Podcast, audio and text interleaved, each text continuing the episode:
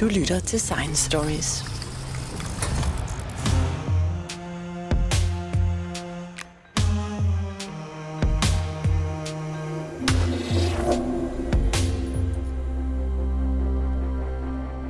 Danmark er blandt de lande i verden, hvor befolkningen har mest tiltro til viden og videnskab, der bygger på evidens.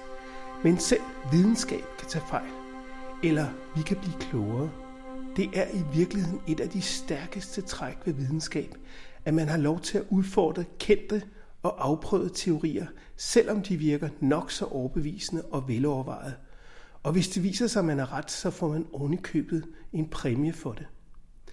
Konklusionen må være, at man aldrig kan stole på, at man har fundet den endelige sandhed, men det betyder ikke, at alle enhver kan påstå hvad som helst. Og nu kommer vi til sagens kerne for denne podcast. Viden og videnskab er ekstremt vigtig for en lang række beslutninger i dagens samfund, men debatten foregår ikke altid på de bedste præmisser.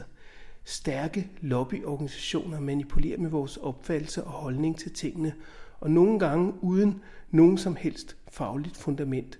Samtidig er der meget få faglige journalister tilbage i medierne, som kan agere vagthunden og stille kritiske spørgsmål.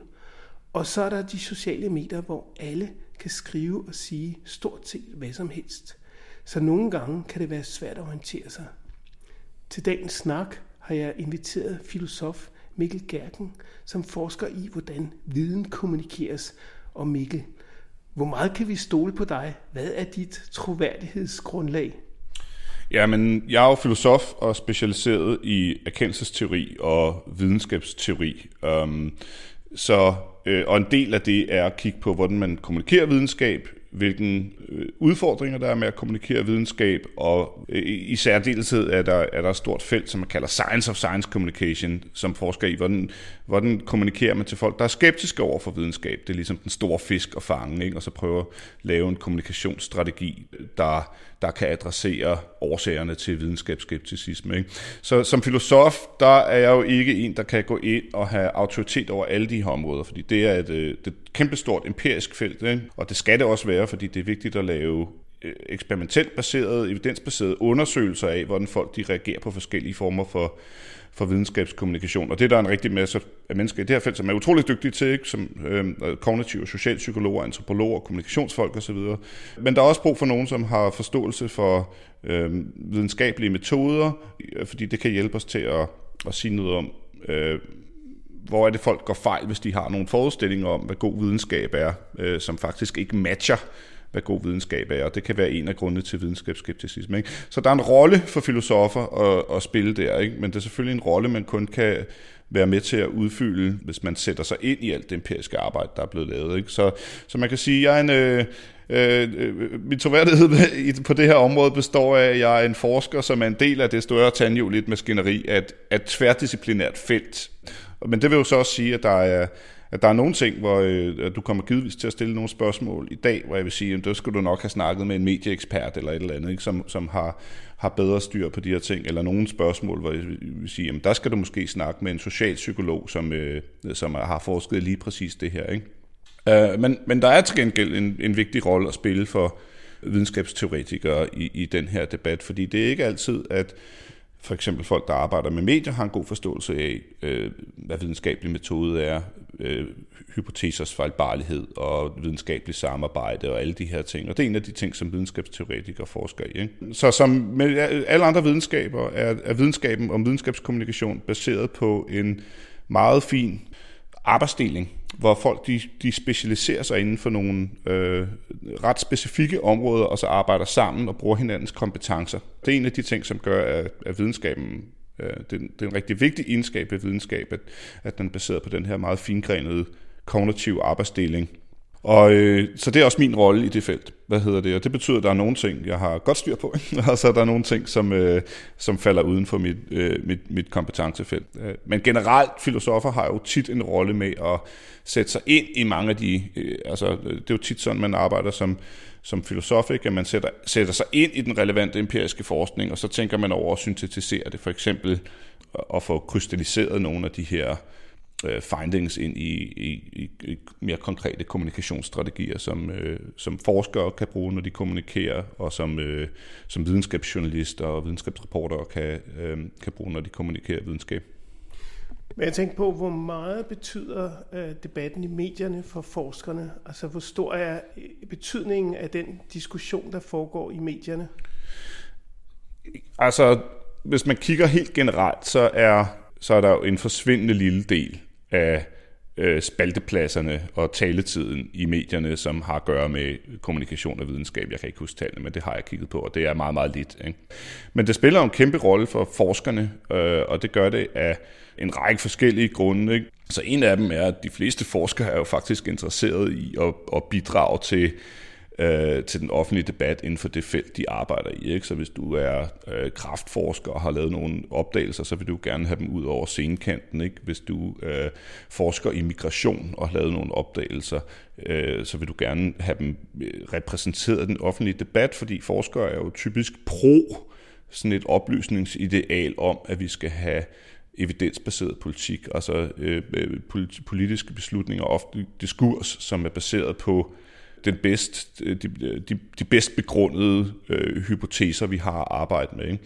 Så, så jeg tror, øh, at forskere er generelt øh, interesseret i at komme, komme ud og fortælle om deres forskning, når det er, øh, når det er relevant. Ikke? Der er, man kan sige, øh, hvis man kigger på incitamentstrukturen, så er der nok en stigende interesse af forskellige grunde, ikke? hvor den helt centrale grund det er, at øh, forskningsbevillinger spiller en meget større del af forskeres liv end øh, det gjorde for 20 år siden. Ikke? Så hvis du arbejder i et fag som mit filosofi, som er troet under konstant beskæring, nogle steder under afvikling, og hvad skal man sige, universitetsøkonomien ikke øh, hænger sammen. Ikke? Der, der, der, er for, der er for få studerende og for, øh, for få penge i at uddanne studerende i og bevare forskningskapaciteten. Jamen, så er man afhængig af, at, at, øh, at faget kan lande, eller som forsker er man afhængig af at kunne lande forskningsbevillinger, i andre fag, øh, der er man afhængig af simpelthen for at kunne lave sin forskning. Ikke? Det er svært at lave partikelfysik uden en øh, accelerator, det er svært at lave psykologi uden at have studiedeltagere og øh, måske ansætte nogen til at lave statistisk analyse osv. osv. Så der er selvfølgelig udgifter ved rigtig meget forskning også. Der er filosofer privilegeret. Ikke? Vi, vi har bare brug for en god lænestol tit, ikke? Øh, selvom nogle af os laver eksperimenter også. Men det betyder, at, at, øh, øh at der er et stort behov for at lande de her grants. Og dem, som øh, giver de her grants, de forskellige forskningsfonde, og universitetsledelserne også, er i stigende grad interesseret i at være synlige. Og det betyder, at der faktisk er incitamenter for forskere til at komme i medierne, ud over deres, hvad skal man sige, intrinsiske interesse i at bidrage til den, til den offentlige debat, der hvor de har, ja, der hvor de har noget fagligt fornuftigt at sige. Men jeg tænkte, for et forskningssynspunkt kunne det jo så også være et, øh, et problem, at man skal lave noget, som kan være synligt. Det kunne måske være meget mere interessant, hvis man arbejdede med en problemstilling, som løste nogle problemer frem for noget, som, øh, som var spektakulært og som alle lå mærke til. Altså det er i hvert fald en debat, som vi skal begynde at have i større grad. Ikke? Og det kan være en lidt prekær debat for forskere og universitetsledelser at tage, fordi de er afhængige af de her fonde. Ikke? Så der er, jeg tror, der er en lille smule berøringsangst, fordi man er bange for at øh, øh bide den hånd, der fodrer en. Ikke? Men, men, men det er jo også et problem for, for nogle af, af forskningsinstitutionerne, og nogle, nogle sager, der har været oppe og omtalt i pressen, for eksempel den her kødskandale i Aarhus, hvor at nogle interessenter har bestilt en rapport, som giver det måske lige en drejning mere, end der egentlig er videnskabelig hold i. Og, og det er jo så et, et problem, hvis universitetet er afhængig af at modtage den slags midler. Jamen det er rigtigt. Altså, jeg kender ikke den specifikke sag særlig godt. Jeg har ikke sådan fulgt den i detaljer, så jeg vil ikke, ikke udtale øh, mig for meget om den. Men, men altså, Øh, forskningssamfundet er heldigvis stadigvæk karakteriseret ved at have nogle stærke institutioner og meget lille tolerance for. Så hvis man taler om, at der er sådan regulær øh, altså fordrejning af data, eller, eller fabrikeret data, eller sådan noget, øh, jamen så er det jo videnskabelig uredelighed, og det er der meget stærke sanktioner imod. Ikke? Så man kan se de, der, de sådan, øh, meget profilerede cases, som der har været internationalt. Ikke? For eksempel... Øh, øh Hausergate på Harvard, den, den øh, berømte primatolog Mark Hauser, som kom under anklage og hvis der blev dømt for at have øh, fabrikeret data. Øh, jamen, øh, Øh, selvom han var en af måske verdenshistoriens 5-10 bedste primatologer, som har lavet rigtig meget godt arbejde, han får aldrig en akademisk stilling igen. Ikke? Øh, hvis man ser herhjemme på sagen med øh, Milena Penkova, hun kommer aldrig til at få en akademisk stilling igen. Ikke? Så hvis folk bliver fanget i snyd, så er der, øh, så er der ikke noget comeback i akademia, og det ligger jo en kæmpe dæmper. Øh, så derfor er det selvfølgelig vigtigt at bevare de, øh, de normer og de stærke institutioner, som, som sikrer dem, at sådan, at sådan nogle cases, det bliver det bliver outliers. Ikke? Jeg, jeg tænker mere, at, at de, de udfordringer, der er, de ligger på et, øh, på et andet område, ikke? Øh, nemlig som har at gøre med, med emnevalg. Ikke? Hvor øh, jamen, nogle af for, øh, for, øh, forskningsfondene er jo bundet op på, øh, på bestemte industrier. Ikke? Altså hvis man kigger på, øh, på nogle af dem, der er i Danmark, ikke? så Lundbeck og Novo er pharmaceuticals, øh, Carlsberg er alkohol. Ikke? Og nu er vi heldige øh, i Danmark, at øh, det virker som om, at de her fonde, de faktisk har gode praksiser og armlæggende principper, og de også har interne institutioner, som sikrer uvildighed og videnskabelighed. Ikke? Men, men øh, det er problematisk at basere et styresystem på, at, øh, at øh, dem, som styrer, er good guys. Ikke? Øh, så et, øh, som jeg altid siger, et, et benevolent diktatur er jo en fantastisk effektiv styreform. Hvis man har en benevolent diktator, ikke? Men, men det er en dårlig styreform generelt, fordi at det er afhængigt af, at, øh, at, at dem, som sidder på magten, de, øh, øh, de er virkelig gode. Så det er en samtale, man bliver nødt til at have. Jeg vil sige, man skal passe på med at... Øh, Øhm, altså male et katastrofebillede, tror jeg, ikke? Øh, jeg. Jeg synes egentlig også på mange måder, at, at det, at, øh, at grant-økonomien er blevet en del af, af, af, af forskningen, det har, også, det har også medført noget dynamik. Det har også medført, at... Øh, for eksempel i, i humaniora, et fag som mit, som er sådan en indspænderfag, hvor, hvor filosofer typisk har siddet nede i en munkecelle, og så skulle komme ud med noget genialt om fem år, og meget mere begyndt at arbejde interaktivt og interdisciplinært i projektorienterede former, som vi lige talte om, så giver det et incitament for forskere til at komme mere i medierne, hvor nogen måske har været øh, lidt male i, og egentlig bare blive, blive i laboratoriet. Så der er, der, er, øh, der, der er masser af gode effekter ved, at, øh, at, at øh, forskningsbevillinger det er, en, det er en øh, større del af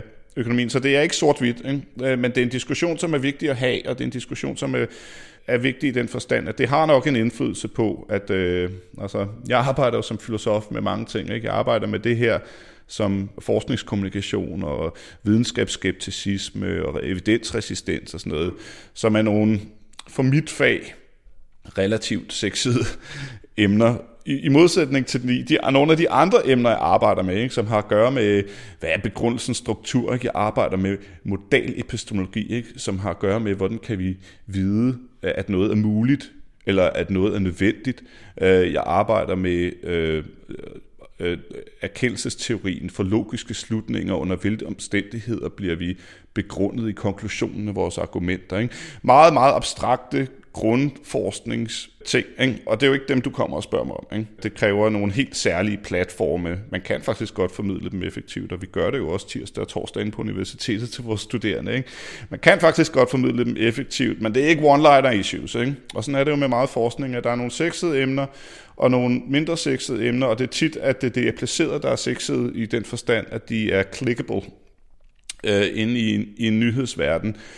Så hvis et, et, et, et, i stigende grad det bliver vigtigt, at ens forskning skal være clickable, jamen så kan der øh, være nogle udfordringer med, hvorvidt grundforskning bliver, bliver nok støttet. Ikke? Øh, og, og, så der er nogle afvejninger her, ikke? men det giver noget dynamik i forskningen, det giver måske også noget bedre forskningskommunikation, og, øh, og det giver jo nogle, øh, det giver nogle muligheder i Danmark, som øh, et, et, et, et land, som inden for nogle fag har haft udfordringer med, med nepotisme, altså manglende internationalisering. Ikke? At, øh, at der har været nogle forskningsmiljøer, hvor man har ansat øh, ens egen øh, hjemmebryggede, men ikke særlig gode PUD'er. Jamen der har, øh, der har grantøkonomien bidraget til en internationalisering, hvor man har været i stigende grad øh, interesseret i at kigge på internationale parametre. Ikke? Så, så det, er en, øh, det er en udvikling, som har øh, masser af gode sider, men som også har nogle potentielle skyggesider, som man skal have en diskussion om og, og jeg tror, det er vigtigt, jeg tror ikke, at den brede befolkning er opmærksom på, hvor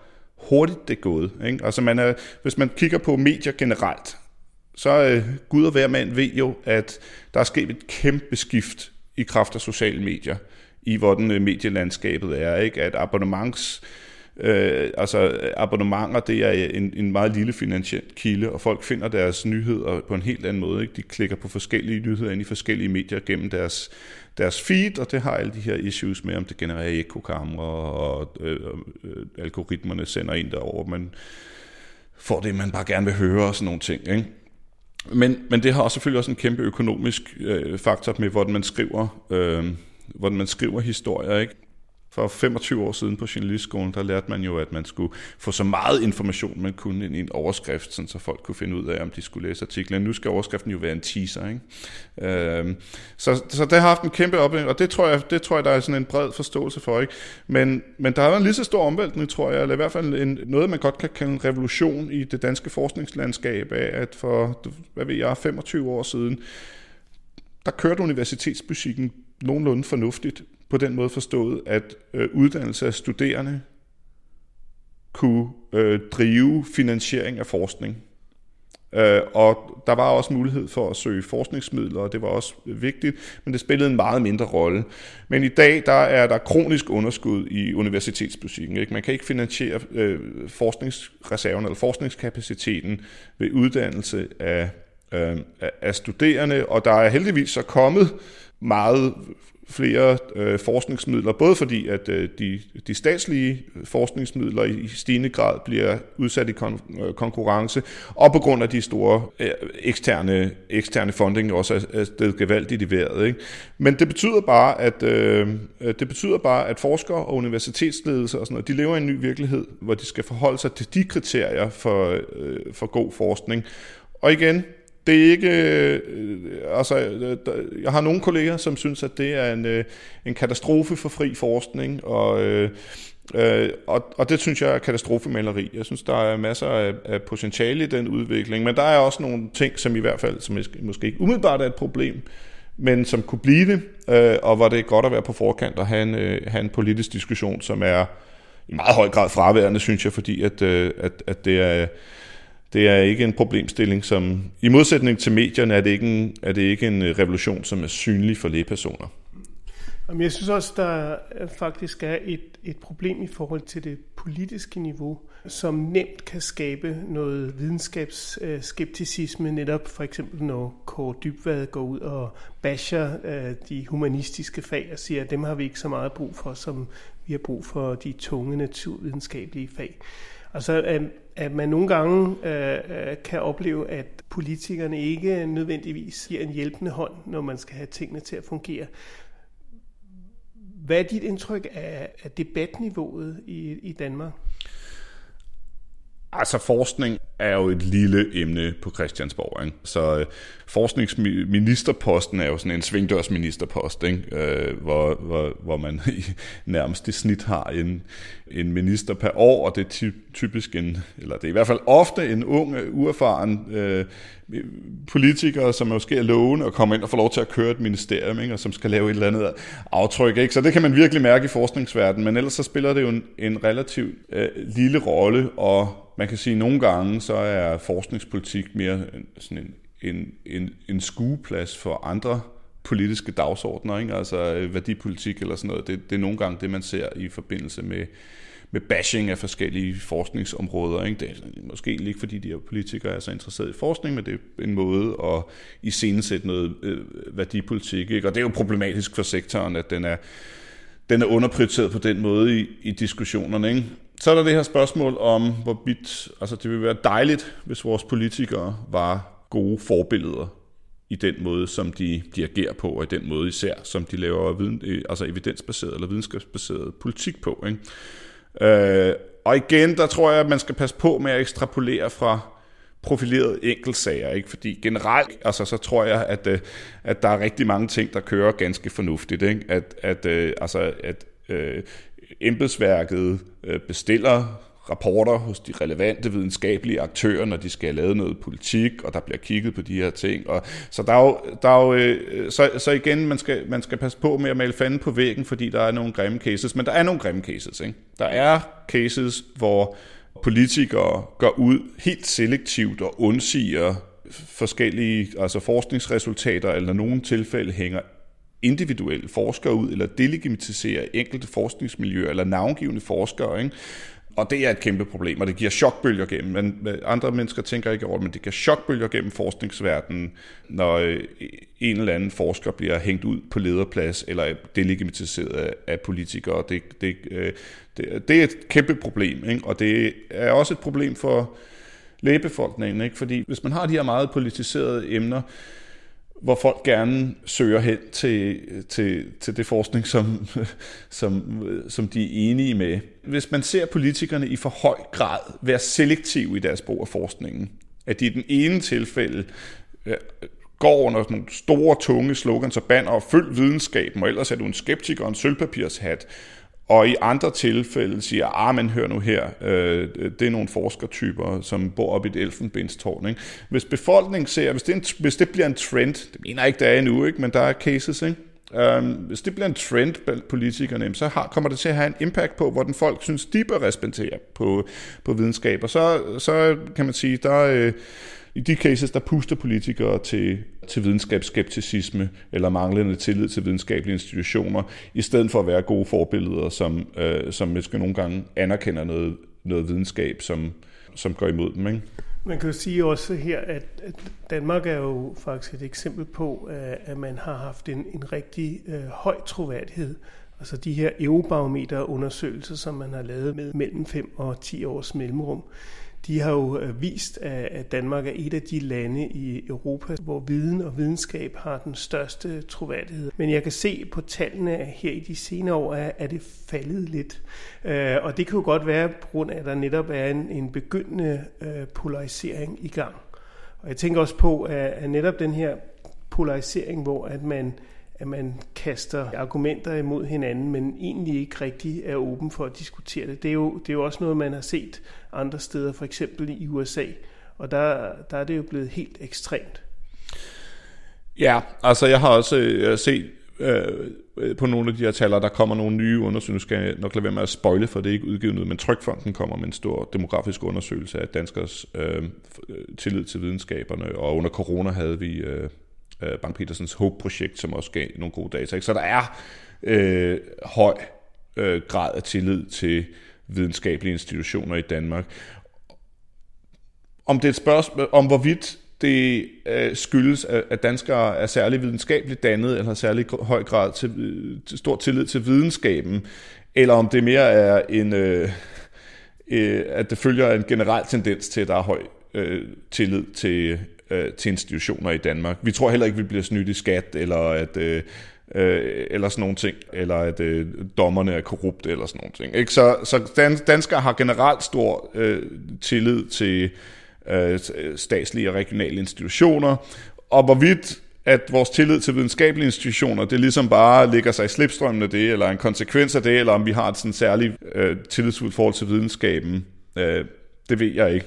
Så jeg vil sige, de tal, jeg, jeg har set, øh, det går lidt op og ned, men jeg synes ikke, der er en trend i, i retning af nedadgående tillid til, til videnskabelige. Det vil i hvert fald være for tidligt at sige, der er en, at der er en trend. Ikke? Men der er nok ikke nogen tvivl om, at, at øh, polarisering både i befolkningen omkring altså øh, enkeltsager, eller som, som nogle gange bliver afspejlet i medielandskabet, som jo i meget højere grad er tilfældet i USA end, øh, end her. Ikke? Så, så hvis man, som jeg tit gør, når de amerikanske valgkampe øh, både ser CNN og Fox News, altså, så tror man jo næsten, det er to forskellige planeter, der er valgt på, ikke? fordi at øh, de samme nyheder bliver framet så forskelligt og i så høj grad, øh, eller netværkene i så høj grad forsøger at, at tale til bestemte segmenter af, af demografien. Og det er klart, det, det medvirker til at øge polarisering generelt, og det medvirker måske også til, at Øh, altså en af de ting, forskningen om forskningskommunikation har fundet ud af, det er, at social identitet betyder rigtig meget for, hvorvidt øh, folk de har øh, tillid til videnskab om øh, om forskellige ting. Ikke? Så videnskab, der angår de ting, som er øh, det sociologerne tit kalder identitetsmarkører. Øh, for, altså det bedste eksempel, det nemmeste eksempel er måske øh, retten til at bære våben i USA, altså Second Amendment, som er en kæmpe social identitetsting for republikanere. Ikke? Øh, fuldstændig konsensusvidenskab om, at øh, restriktiv våben, lovgivning det mindsker våbenfataliteter. Ikke?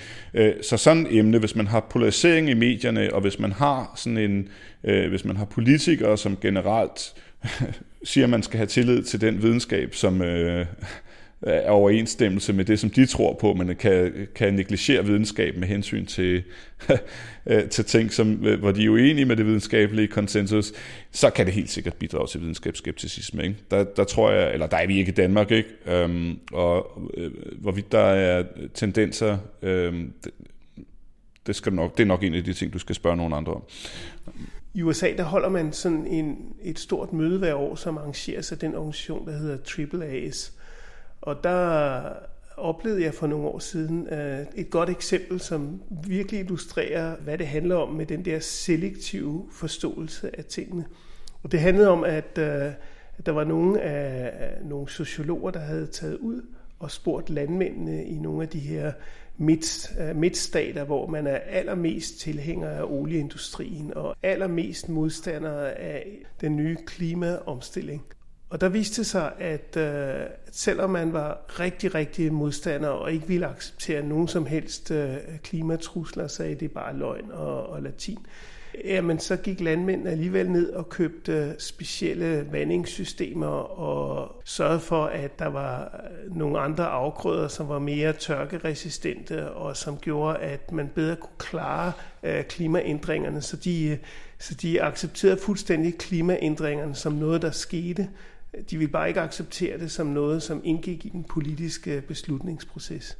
Ja, men det er, altså det er, en, det er en interessant ting i, i forskningen af det her, ikke med at, at øh, øh, man skal passe på med at skelne mellem det, som, øh, øh, som psykologer kalder direct og indirect measures. Ikke? Der kan være meget stor forskel på, hvad, øh, hvad folk siger, de mener, og hvad folk siger, de tror.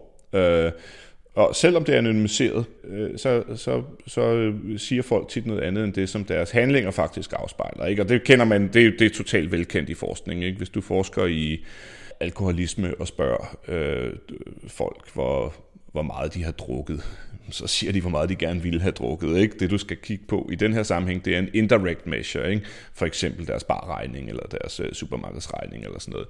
Og det finder man også i de her poliserede politiske øh, spørgsmål. Ikke? Så der er, en, øh, der, er en, der er en diskussion, som er svær at afklare i forskningen om, hvorvidt at, at den her for eksempel klimaskepticisme, som folk giver udtryk for, om det er noget, de øh, formoder, eller om det er noget, de synes, det vil sige, øh, selvom det er anonymiseret, så kan de godt have en interesse i at pushe synspunktet. Ikke? Øh, altså ligesom give udtryk for, at det er noget, de, øh, de formoder, fordi de mener, at det kan pushe en bestemt social agenda. Og, øh, så, og det er ret svært at finde ud af på et område. Altså den eneste måde at gøre det er at lave masser af studier, hvor man sammenholder direct measures, altså spørgeskema øh, versioner med indirect measures, altså hvor man for eksempel kigger på, om de om deres adfærd tager højde for, at der er at der er klimaændringer. Ikke? Så, så nogle gange kan det her indtryk af polarisering med hensyn til, om man egentlig har tillid til videnskabelig information, det kan godt virke større, end det er. Fordi folk nogle gange kan have en interesse i at sige, mere eller mindre ubevidst interesse i at sige, de er skeptiske over for noget forskning, som de egentlig ikke øh, inderst inde er skeptiske over for. Ikke? Uh, og det er jo bare en ting, som, øh, som viser, at, øh, at øh, forskning i de her ting er utrolig, utrolig kompliceret, og man skal gøre det ordentligt, og man skal lade være med at springe til, øh, springe til konklusioner. I det her tilfælde, der kunne konklusionen jo være, at, øh, at polariseringen ikke er så, så grad, som den kunne se ud, hvis, når man for eksempel, hvis man bare forlader sig på en, øh, altså en spørgeskemaundersøgelse. En af de ting, hvor det virkelig har betydet noget, det er for eksempel med hensyn til skepticisme over for vacciner, hvor man i USA jo ligefrem havde det som et politisk budskab, at man ikke ville tvinges til at vaccineres. og man ikke ville tvinges til at gå med masker, man ikke ville tvinges til at, at tage nogen som helst forbehold i forhold til at, at blive inficeret. Og så i Danmark for eksempel, hvor folk har accepteret øh, den information, de har fået fra offentlige myndigheder langt hen ad vejen. Ja. Men øh, det, det første alle, der forskede i forskningskommunikation, sagde under coronapandemien, om hvordan man skulle kommunikere det, det var, lad være med at politisere det. Lad være med at gøre vaccineaccept og sådan nogle ting øh, til en, en identitetsmarkør. Og, men det kunne de sige så meget i ved, fordi det var Trump, der var præsident på det tidspunkt, og havde et kæmpe megafon at tale med, og, og gjorde det med det samme til en identitetsmarkør. The China hoax, og øh, altså, øh, ja, hvad der ikke blev, øh, der blev sagt mange vanvittige ting, ikke? Men, men, men opshottet i USA, og en af grundene øh, til, at øh, der var meget større vaccineskepsis i USA end Danmark, jamen det var lige præcis det her, ikke? at øh, tillid til vacciner, tro på, at der var øh, pandemi, eller det var, øh, pandemien var værre end influenza, og hvad har vi, ikke?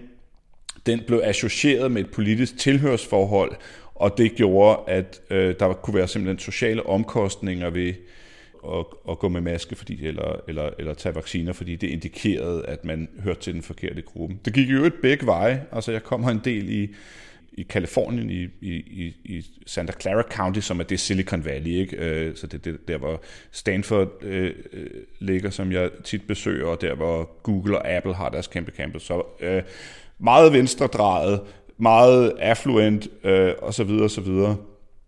Øh, jeg, jeg var der i øh, sommer, tror jeg ikke. Man kunne stadigvæk se folk gå rundt med maske på vandrestierne. Ikke? Selvom al den videnskabelige forskning, den indikerer, at man kan ikke få en... Der, der var ingen corona i Santa Clara County. Altså 93 procent af befolkningen var vaccineret. Der var øh, to hospitalsindlagte. Det var midt om sommeren. Der var ingen, der var ingen højdepunkt i pandemien. Ikke? Uh, stadigvæk gik folk rundt med masker på vandrestierne.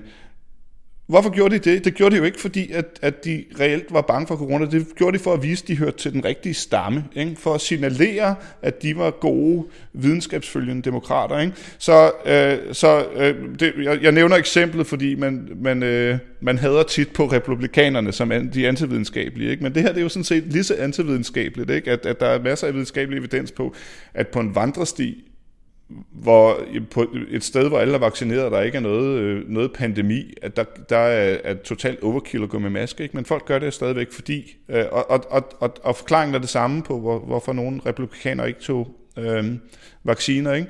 Man gør det for at signalere et socialt tilhørsforhold. Men, øh, men problemet er vel også, at, øh, at der ikke er nok øh, dialog, altså der er ikke nok steder, hvor at forskerne kan møde øh, befolkningen, eller, eller der er en, øh, en dialog i medierne omkring, hvordan videnskaben bliver brugt. Jamen, altså videnskabsformidling er marginalt i medielandskabet. Så, så, øh, og det er marginalt på altså de journalistiske uddannelser. Ikke? Øhm, øh, så så der er, der er jo meget, der er jo meget få dedikerede videnskabsjournalister tilbage. Ikke? Øh, jeg er ikke så gammel, synes jeg, men jeg er gammel nok til at huske, at der var øh, videnskabstillæg på nogle af aviserne, øh, og der var videnskabsprogrammer øh, på nogle af øh, tv-stationer og sådan noget. Så de der, øh, og, og store amerikanske aviser, som... Øh, New York Times og Washington Post og LA Times og sådan nogle ting, de havde jo store, relativt store øh, øh, videnskabssektioner, ikke? Og det er dwindling, ikke? Så de dedikerede videnskabsjournalister er, er marginaliseret på, øh, på, på mainstream media, inklusiv det, man, man tit kalder prestige press, altså de her, hvad skal man sige, bedste amerikanske øh, newspapers, som jeg, som jeg lige nævnte. Og det er også tilfældet i Danmark, ikke? Øh, så, øh, og det gør selvfølgelig, at, øh, at det videnskab, der kommer ud, jamen det får måske en anden karakter. Ikke? Øh, et andet problem, som jeg synes er et stort problem, det er, at, at altså, det, det, der, der er faktisk meget få platforme som forsker. Ikke? Hvis man sidder inden for et eller andet snævert forskningsfelt, og har noget, altså adgang til noget øh, evidens, som er vigtigt for en eller anden pågående dagsorden, så er simpelthen, det, det, det er simpelthen, øh, der er simpelthen meget få platforme for forskere til at komme ud over rampen. Og, og selvom folk gerne vil. Ikke? Øhm, og det at sikre dem, det er en, øh, det er jo en, det er jo en, øh, det er en politisk opgave. Ikke? Men min oplevelse måske den biased, fordi jeg selv er forsker, ikke? Men, men min oplevelse er, at rigtig mange forskere faktisk gerne vil lave de her ting. Ikke? Og det, det er relativt sjældent, at vi ikke tager telefonen, når vi øh, bliver spurgt, i hvert fald hvis det er inden for, øh, inden for det område, hvor vi faktisk er eksperter. Ikke? Men at, øh, at der simpelthen mangler, øh, mangler platforme for, for forskningsformidling i medielandskabet. Ikke? Øh, og det er der mange grunde til, og øh, altså en af dem er, er selvfølgelig politisk, og den anden er, altså den anden har jo simpelthen at gøre med finansiering, ikke? Så, øhm, øh, så jeg har ikke studeret det her nærgående, ikke? men jeg har hørt, hvad hedder det, fra forskellige kilder, og, og, og du siger, at du er en af dem, ikke? at folk faktisk klikker rigtig meget på videnskabsstof, men, men det er et for... Øh, det er et for heterogent segment til, at man effektivt kan lave, kan lave annoncering, så man får ikke nok onwards clicks, som det hedder, ikke? fra historien. Folk klikker på historien, men de klikker ikke videre på nogle reklamer, fordi det er svært at target. Ikke? Så, øh, så måske ligger løsningen på, på videnskabsjournalistikkens øh, problemer i, i marketingsafdelingen. Ikke? Men der er også, øh, der, der kan nok også rykkes lidt politisk ved det her. Ikke? Jamen, der vil jeg jo så sige, som, som videnskabsjournalist, der er jeg jo sådan lidt i skudlinjen her, øh, at, at øh, det, det er præcis også min oplevelse. Altså, jeg har decideret haft en, en snak med en af de store avisredaktører, som, som øh, stod for at nedlægge deres uh, videnssektion for år tilbage, og, uh, og der var argumentet netop, at uh, der er masser af folk, der er interesseret i stoffet, men det er for diffust. Målgruppen er for diffus. Der er læser ned til 10 år, som læser videnskabsstoffet, men der er også øh, dem, der er 50 og 60. Det er en meget bred målgruppe, som man, øh, man har svært ved at sælge annoncer til, og derfor så, så får det ikke den samme prioritet. Øh, og, og det er selvfølgelig ærgerligt, at det er sådan. Ja, altså, men, men øh, medierne skal jo navigere efter den øh, virkelighed, de befinder sig i. Ikke? Så øh, de lever af kliks, og de lever af de her onwards kliks til annoncørerne. Og øh, hvis det ikke matcher op, så er de jo selvfølgelig nødt til at øh, øh prioritere sådan. Ikke? Øh, det undrer mig faktisk. Ikke? Altså, jeg har hørt den her, jeg har hørt den her analyse fra forskellige steder, ikke? og det undrer mig faktisk øh, lidt, at man ikke kan, at der ikke er nogen dygtige marketingsfolk, der kan løse det, fordi jeg tænker også, at den gruppe, som selvom den er den er øh, heterogen og diffus, at det er en, øh, altså det er en, det er en affluent, at det er veluddannet, og, øh, og, og derfor også typisk økonomisk velstillet læser af videnskabsstof. Ikke? Så det, det undrer mig lidt, at nøden ikke er knækket, men hvis den ikke er knækket, så er den ikke knækket, og så skal man selvfølgelig se på, hvad man så kan gøre. Ikke? Og der, der skal man nok, der skal man måske kigge lidt på nogle af de politiske interventioner, man, man kan have. Ikke? Um, jeg, jeg tænkte også på, at man kunne se på vores nabolande, for eksempel Sverige, som jo altså stadigvæk har øh, tre gange fem minutters øh, videnskabsdækning hver morgen i videnskabsradioen, øh, og som gør, at der generelt er et højt øh, niveau af interesse for, for videnskab i, øh, i Sverige, som vi ikke har på samme måde i Danmark. Man kan sige, at Danmarks Radio burde i virkeligheden give det en, en prioritet, som måske også øh, havde en eller anden, øh, altså også i deres egen struktur, sådan så at der for eksempel sad øh, forskere eller videnskabsrepræsentanter i deres bestyrelse, ligesom der sidder repræsentanter for Kulturministeriet.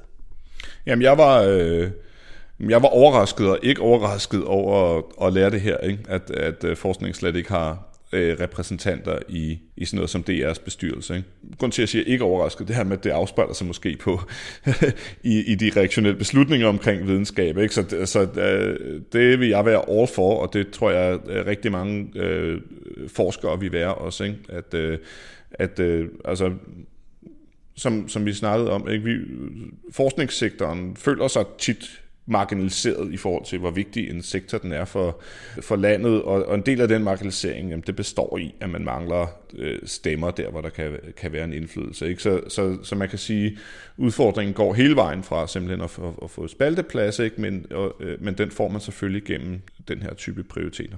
Mm. En ting, der også undrer mig, det er, at man i Danmark har en, en vismandsinstitution, som kan komme med øh, Øh, input til, hvordan det går med økonomien, og hvordan det går med regeringens øh, økonomiske øh, råderum osv. Men man har ikke en tilsvarende videnskabsrådgiver, som kan rådgive i øh, beslutninger. Der er jo masser af beslutninger, som skal tages omkring atomkraft for eksempel, som er op igen, øh, og gensplejsede organismer, brugen af medicin osv. Der, der er virkelig mange forskellige områder, hvor at en uafhængig rådgivning vil være øh, øh, rigtig på sin plads. Jamen, jamen, jeg er enig i, at altså, det er jo vigtigt at lave e, evidensbaseret politik på alle de her områder. Hvordan det så skal struktureres, det er et andet spørgsmål. Ikke? Fordi det er jo ikke fordi, at der ikke bliver nedsat kommissioner, hvor der er videnskabelig input til alle de her områder. Det gør der. Ikke? Øh, spørgsmålet er, om, om øh, Øh, evidensbaseret politik eller vigtigheden af at være mere homogen og ikke så selektiv i brug af forskningen, den vil kunne blive styrket ved at have en mere central institution. Det kunne den muligvis, muligvis godt. Ikke? Øh, så det kunne være en anden øh, politisk intervention, som, som kunne være interessant. Ikke? Men igen skal man sådan, passe på med at male det for sort-hvidt, ikke? fordi det er jo forkert at sige, at der ikke bliver ført noget øh, forskningsbaseret politik i Danmark, ikke? fordi der er ikke, øh, der er ikke nogen af de her beslutninger, hvor der ikke bliver taget øh, hvor der ikke bliver kigget på den relevante videnskab. Det er bare, det er bare mere ad hoc i forbindelse med, at der bliver nedsat øh, videnskabelige advisory boards af forskellige øh, karakterer, når man synes, der er behov for det. Ikke? Men, men, men der,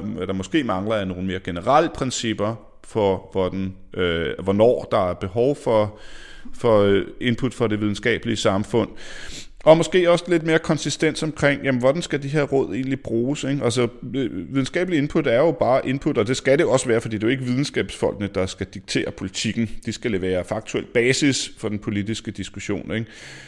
Men når man kan se, at, at der nogle gange er, øh, er problemer med, at, altså der er jo meget lidt videnskabsskepticisme i Danmark, ikke? men der er meget stor forskel i, hvordan videnskabelig viden bliver brugt. Ikke? Og, øh, så vi skal jo åbenbart stadigvæk diskutere, om øh, hvorvidt lort på marken det genererer fiskedød i fjorden før vi får gjort noget ved det, selvom der er overvældende god evidens for det, og selvom det er en krisesituation, som i alle mulige andre sammenhænge, der vil man skynde sig at lave noget politik, og så kan det godt være, at man skal undersøge det nærmere og sådan noget, men, men vi skynder sig at lave politik på baggrund af den viden, vi allerede har, ikke?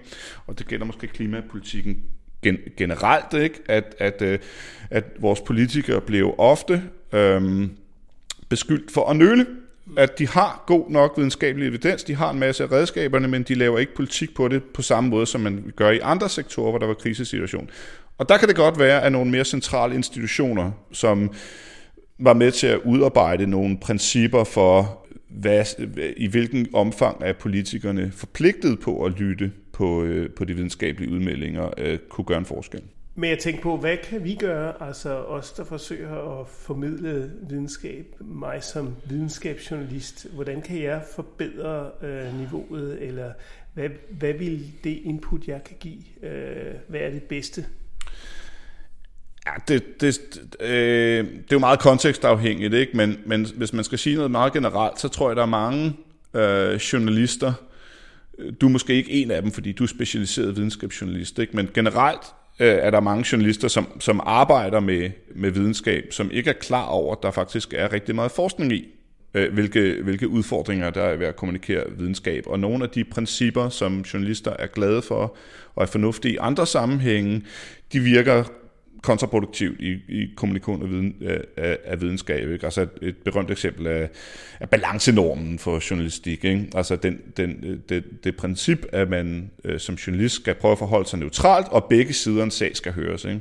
Det er jo et vældig fornuftigt princip, hvis man skal dække en hegnstrid, eller hvis man skal dække en politisk øh, disput over et eller andet øh, meget normativt. Ikke? Men der er også forskning, som viser, at hvis man bruger balanceprincippet i tilfælde, hvor man har meget stærk videnskabelig konsensus på den ene side, og sølvpapirshatte på den anden side, så har det faktisk en kæmpe effekt, så legitimiserer det øh, skepticisme over for områder, hvor der er konsensusvidenskab. Ikke? Og, og, og det, er, øh, øh, det er forskning, som øh, ret få journalister er klar over eksisterer på, som de kan trække på. En anden ting, som jeg selv arbejder med, er kommunikation af øh, videnskabelig usikkerhed. Ikke? Hvordan påvirker det folks øh, accept øh, og troværdighed og alle de her ting, når man når man kommunikerer, at øh, graden af usikkerhed, der er ved, ved, ved videnskabelige resultater og hypoteser, som der jo, som, som der jo ofte er. Ikke? Og, og det er, man kan sige, det er et åbent forskningsfelt, der har man ikke klokkeklare konklusioner omkring det hele, men der er stadigvæk nogle gode råd i, fra forskningen. Ikke? Så, så, øh, så det tror jeg sådan vil være min, øh, min, min overordnede øh, budskabet, det vil være godt, hvis flere journalister var klar over noget af den forskning omkring forskningskommunikation. Og det kunne jo starte allerede på journalist, i journalistuddannelsen, hvor det, hvor det ikke er mit indtryk, at det figurerer, øh, figurerer særlig meget. Ikke? Men, men der, er opmærk- der er stigende opmærksomhed på det, vil jeg sige, i journaliststanden. Og corona-pandemien har på mange måder været, været god for det her felt, fordi lige pludselig så var der journalister, som var vant til at arbejde med alt muligt andet, som var nødt til at, som skulle, øh, fordi at, at kommunikation af epidemiologi og biologi og alle de her ting, øh, som var relevante for pandemihåndteringen, pludselig var noget, der var kæmpe interesse om, og derfor pludselig var meget clickable, og øh, så det gik op for rigtig mange journalister, at videnskabsjournalistik er faktisk en, en øh, speciel disciplin, som kræver nogle, øh, nogle andre tilgange nogle gange, og, øh, og, men at der også er noget forskning på, på området, som kan, øh, som kan hjælpe til. Og du er faktisk også øh, aktuelt med en relativt ny bog om, om området. Ja, altså vi siger, det er ikke en, øh, øh, nu har du selv kigget på den, ikke? Altså det er, jo ikke, det er jo ikke en bog, der er skrevet til journalister, det er en fagbog inden for videnskabsteori, som primært er skrevet til mine andre øh, øh altså til min, til min, øh, til min videnskabsteoretiske øh, kolleger. Så, så det, det arbejde, man kan gøre øh, som, øh, som forsker ind på området, det er måske mere noget med at komme ud til redaktionsmøder, eller øh, deltage i paneldebatter og sådan nogle ting, ikke? Hvor, man, hvor man formidler den her type forskning i en, i en mere spiselig form. En, end, øh, så jeg vil ikke anbefale, selvom jeg gerne vil sælge nogle flere kopier af min bog, så vil jeg ikke anbefale alle Danmarks journalister, at de render ud og køber den, ikke? fordi det er en fagbog. Jeg godt sige, at den hører til, til den tunge ende. Ja, men det, men det, er, men det er heller ikke... Øh, den, den, det er heller ikke ment som en, som en, øh, som en bog for, for general consumption. Den er, det, det er en fagbog, ikke? Som, som, øh, så der er jo en arbejdsdeling i, i forskningen, og også inden for den enkelte forsker, at man laver noget, noget grundforskning, og så finder man måder at applicere det på. Ikke?